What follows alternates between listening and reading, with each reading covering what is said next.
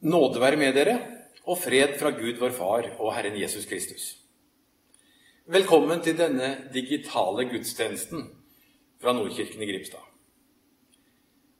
Det er underlige dager vi lever i. Vi har ikke anledning til å samles til gudstjenester. Vi kan ikke samles på arrangementer av ulikt slag. Og i hverdagen så, så går vi nå i buer rundt hverandre. Eh, kanskje noen av dere har plukka opp noen eh, få, trygge venner som dere tør å være sammen med, mens andre forsøker vi helst å unngå. Noen sier at det er bare de eldste blant oss som kan huske noe lignende. De som fortsatt kan huske krigen. Og det er nok riktig. Noen av de hadde nok slike erfaringer. Men jeg har tenkt på i denne situasjonen Jeg har tenkt på de som har kommet til landet vårt som flyktninger og asylsøkere. Jeg har tenkt på at det vi opplever nå, det vi kjenner på Hvis en kjenner litt på usikkerhet, frykt, fortvilelse Dette er bare en ørliten flik av det som enkelte av disse har opplevd. Det som disse bærer med seg av livserfaring. Jeg hadde bare lyst til å nevne det eh, forhåpentligvis til ettertanke, for det er fort gjort å bli nærsynt i situasjoner som dette. Det er begrensa hva den enkelte av oss kan gjøre for å løse de utfordringer som verden står overfor. Men vi kan følge de lover og råd som myndighetene kommer med. Slik kan vi ta vårt ansvar. Og vi kan holde kontakt med hverandre. Det mangler jo ikke på telefoner, sosiale medier. Dette er det jo flust av. Og så kan vi legge denne situasjonen fram for Gud i bønn. På hvert vårt sted. Der vi befinner oss. Vi kan be for de som er sjuke, for de som kjenner på maktesløshet, usikkerhet eller frykt. Vi kan be om kraft og styrke i hverdagen til eh, helsepersonell og andre som sitter med samfunnskritiske oppgaver. Og vi kan be om visdom og innsikt til våre myndigheter og til de som har ansvar i samfunnet. I dag skulle det vært en festdag i kirka vår og i kirkene rundt omkring i verden. Det er Maria budskapsdag. Men så får det være slik, da, i dag, at vi ikke møter Gud som en del av et stort fellesskap, men aleine i våre hjem der vi er. Det var forresten slik Maria møtte engelen da hun fikk utfordringen til å ta imot Jesus i eget liv. Dagens prekentekst står skrevet hos evangelisten Lukas i det første kapitlet. Men da Elisabeth var i sjette måned, ble engelen Gabriel sendt fra Gud til en by i Galilea som het Nasaret, til en jomfru som var lovet bort til Josef, en mann av Davids ett. Jomfruens navn var Maria. Engelen kom til henne og sa, Vær hilset, du som har fått nåde. Herren er med deg. Hun ble forskrekket over engelens ord og undret seg over hva denne hilsenen skulle bety. Men engelen sa til henne, Frykt ikke, Maria, for du har funnet nåde hos Gud. Hør, du skal bli med barn og føde en sønn, og du skal gi ham navnet Jesus. Han skal være stor og kalles den høyeste sønn, og Herren Gud skal gi ham hans fars Davids trone. Han skal være konge over Jakobs hus til evig tid. Det skal ikke være ende på hans kongedømme. Maria sa til engelen, hvordan skal dette kunne skje når jeg ikke har vært sammen med noen mann? Engelen svarte, Den hellige ånd skal komme over deg, og den høyestes kraft skal overskygge deg. Derfor skal barnet som blir født, være hellig og kalles Guds sønn. Og hør, din slektning Elisabeth venter en sønn, hun også, på sine gamle dager.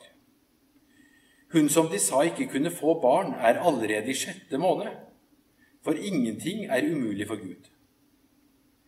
Da sa Maria, Se, jeg er Herrens tjenerinne, la det skje med meg som du har sagt. Så forlot engelen henne. Slik lyder Herrens ord. Jeg tenkte at vi i dag skulle starte i Nasaret. Jeg har hatt den gleden av å være der noen ganger i forbindelse med turer til Israel. Nasaret ligger eh, oppe i fjellene nord i Israel. I dag er det vel en 70 000-80 000 innbyggere der. Det var nok betydelig mindre den gangen som Maria vokste opp, uten at jeg tør gjette på hvor mange som, eh, som var der da. Det mest iøynefallende når du kommer eh, kjørende inn til Nasaret fra østsida, er den store kirka som ligger midt i byen. Den er ikke så gammel. Eh, det er ikke vanskelig å se når du kommer inn til den, at den er forholdsvis nybygd. Men det har vært kirker på dette stedet lenge. Iallfall helt tilbake igjen til 400-tallet, sier de som kan sånne ting. Men den kirka som står der nå, den er fra 1969. Bebudelseskirka heter den. Og den skal etter sigende være Midtøstens største kirke. Kirka er i flere etasjer, og så er det en stor åpning i midten, sånn at du kan stå i første etasje eller andre etasje, og så kan du se ned mot denne hula som ligger i underetasjen. Og Ifølge tradisjonen var det i den hula, som da var et bosted, at Maria holdt til da hun fikk besøk av engelen Gabriel. Noe av det som en eh, legger merke til når en eh, går rundt i bebudelseskirka, enten en nå går rundt inne i sjølve kirkebygningen, eller en tar seg rundt på utsida, det er sånn søyleganglignende rundt hele kirka Noe av det som en legger merke til, og som er iøynefallende, er alle maleriene. Det er mange malerier der. Og de henger side om side overalt. Inne og ute. Og alle sammen har samme motiv. Det er bilder av Maria og Jesus, eller Madonna og barn, om du vil. Dette er malerier som kommer fra hele verden. Det er bilder fra Afrika, det er bilder fra Asia, det er bilder fra Amerika, det er bilder fra Europa. Eh, hvorvidt det er noen fra Australia, er jeg ikke sikker på, for det har jeg ikke lagt merke til. Men, men, men det, som er, det som er fascinerende, hvis en kan bruke et sånt uttrykk, er at alt etter hvilket land disse maleriene kommer fra, og hvilket land de er laga i, så ser Maria og Jesusbarnet forskjellig ut. I bildene fra Afrika er Jesus mye mørkere i huden enn i bildene fra Europa. Og i maleriene fra Øst-Asia så kan vi se at Jesus har klare østlige trekk. Og på samme måte så ser vi at klesdrakta skifter alt etter hvilket land maleriene er laga i. Så kan vi jo reflektere litt over det. At når Gud blir menneske, så kommer han for å møte alle. Hver enkelt av oss, uansett hvem vi er, uansett hvor vi bor. For han blei en av oss. Over det store inngangspartiet til kirka ute så står det med store bokstaver det er en setning som strekker seg over omtrent hele veggen der inngangsdøra er. Der står det slik Verbum caro factum est. Et habitavit in nobis, står det. Det er ikke sikkert at alle er like støe i latin, men det står altså Ordet ble kjød og tok bolig iblant oss. Der i Nasaret, der blei ordet kjød, der blei ordet menneske og tok bolig iblant oss. Det er jo noe som kan gi grunn til refleksjon. At dette står i Nasaret, og ikke i Betlehem. For han ble jo født i Betlehem. Men det forteller oss kanskje noe om hvordan vi bør tenke om livets begynnelse. Det begynte i Nasaret. Stakkars Maria. Det kommer en engel, og han sier, 'Du skal bli med barn. Du skal føde en sønn, og du skal gi ham navnet Jesus.' Snakk om konkret måte å ta imot Jesus på. Men jeg tenker altså stakkars Maria. For hva betydde dette? Og hva ville folk si? Familie, venner, naboer, når dette ble kjent. Stakkars Maria. Det har tørna helt for henne. Hun tror at det barnet som skal bli født, at det er Guds sønn. Snakk om å være lettlurt. Jeg tenker det ville vært fullt forståelig om Maria hadde sagt som så at eh, takk for tilliten, Gud, men nei takk. Jeg er ugift. Jeg er bare 14-15 år. Jeg er forlova. Dette orker ikke. Det er jo ingen som kommer til å tro på dette, Gud. Nei takk.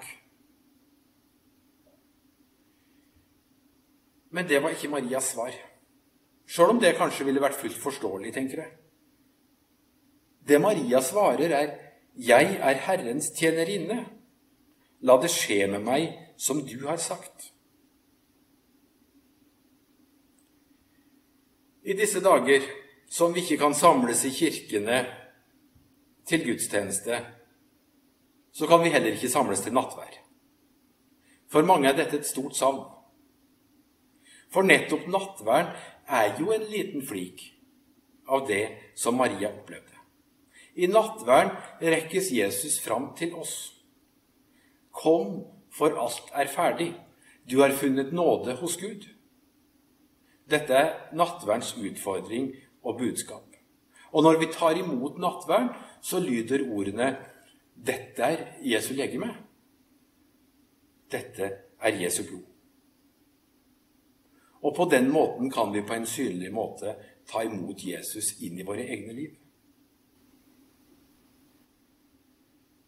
Tilbake til bildene på veggene i bebudelseskirka i Nasaret. Mange bilder. Ulikt uttrykk, men samme motiv. Ordet som ble menneske og tok bolig iblant oss. Han som kom for å frelse verden, enten vi snakker om jøder eller hedninger, om vi snakker om afrikanere, asiater eller europeere. Han kom først til Maria. Og så rekkes han fram for oss.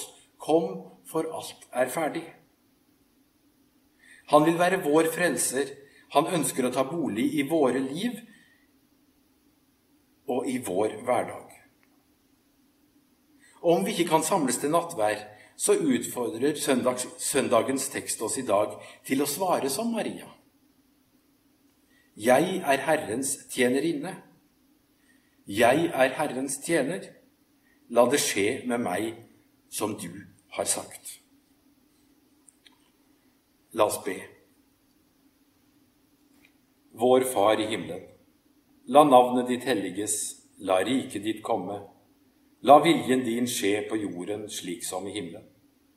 Gi oss i dag vårt daglige brød, og tilgi oss vår skyld, slik også vi tilgir våre skyldnere. Og la oss ikke komme i fristelse, men frels oss fra det onde. For riket er ditt, og makten og æren i evighet. Amen. Ta imot Herrens velsignelse. Herren velsigne deg og bevare deg. Herren la sitt ansikt lyse over deg og være deg nådig. Herren løfte sitt åsyn på deg og gi deg sin fred.